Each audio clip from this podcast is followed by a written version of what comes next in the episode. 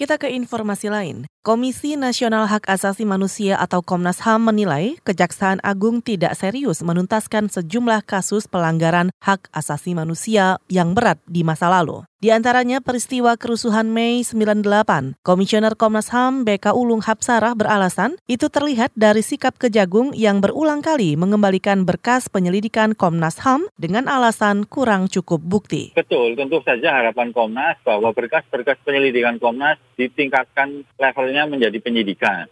Karena dengan kewenangan penyidikan itulah kemudian Jaksa Agung bisa menghadirkan paksa pihak-pihak yang memang diduga terlibat dalam kasus pelanggaran HAM yang berat. Itu yang pertama. Yang kedua kemudian juga dengan kewenangan penyidikan Kejaksaan Agung atau Jaksa Agung bisa mencari bukti-bukti atau fakta-fakta yang bisa memperkuat. Komisioner Komnas HAM BK Ulung Hapsarah menambahkan, tidak ada alasan bagi Kejaksaan Agung mengulur-ngulur waktu penyidikan. Karena menurut undang-undang, kewenangan Komnas HAM yaitu menemukan bukti permulaan yang cukup. Komnas HAM menyatakan sudah menyerahkan 14 perkara dugaan pelanggaran HAM berat ke Kejaksaan Agung, di antaranya peristiwa Mei 98, tragedi tahun 6566, peristiwa Talang Sari, hingga penembakan misterius.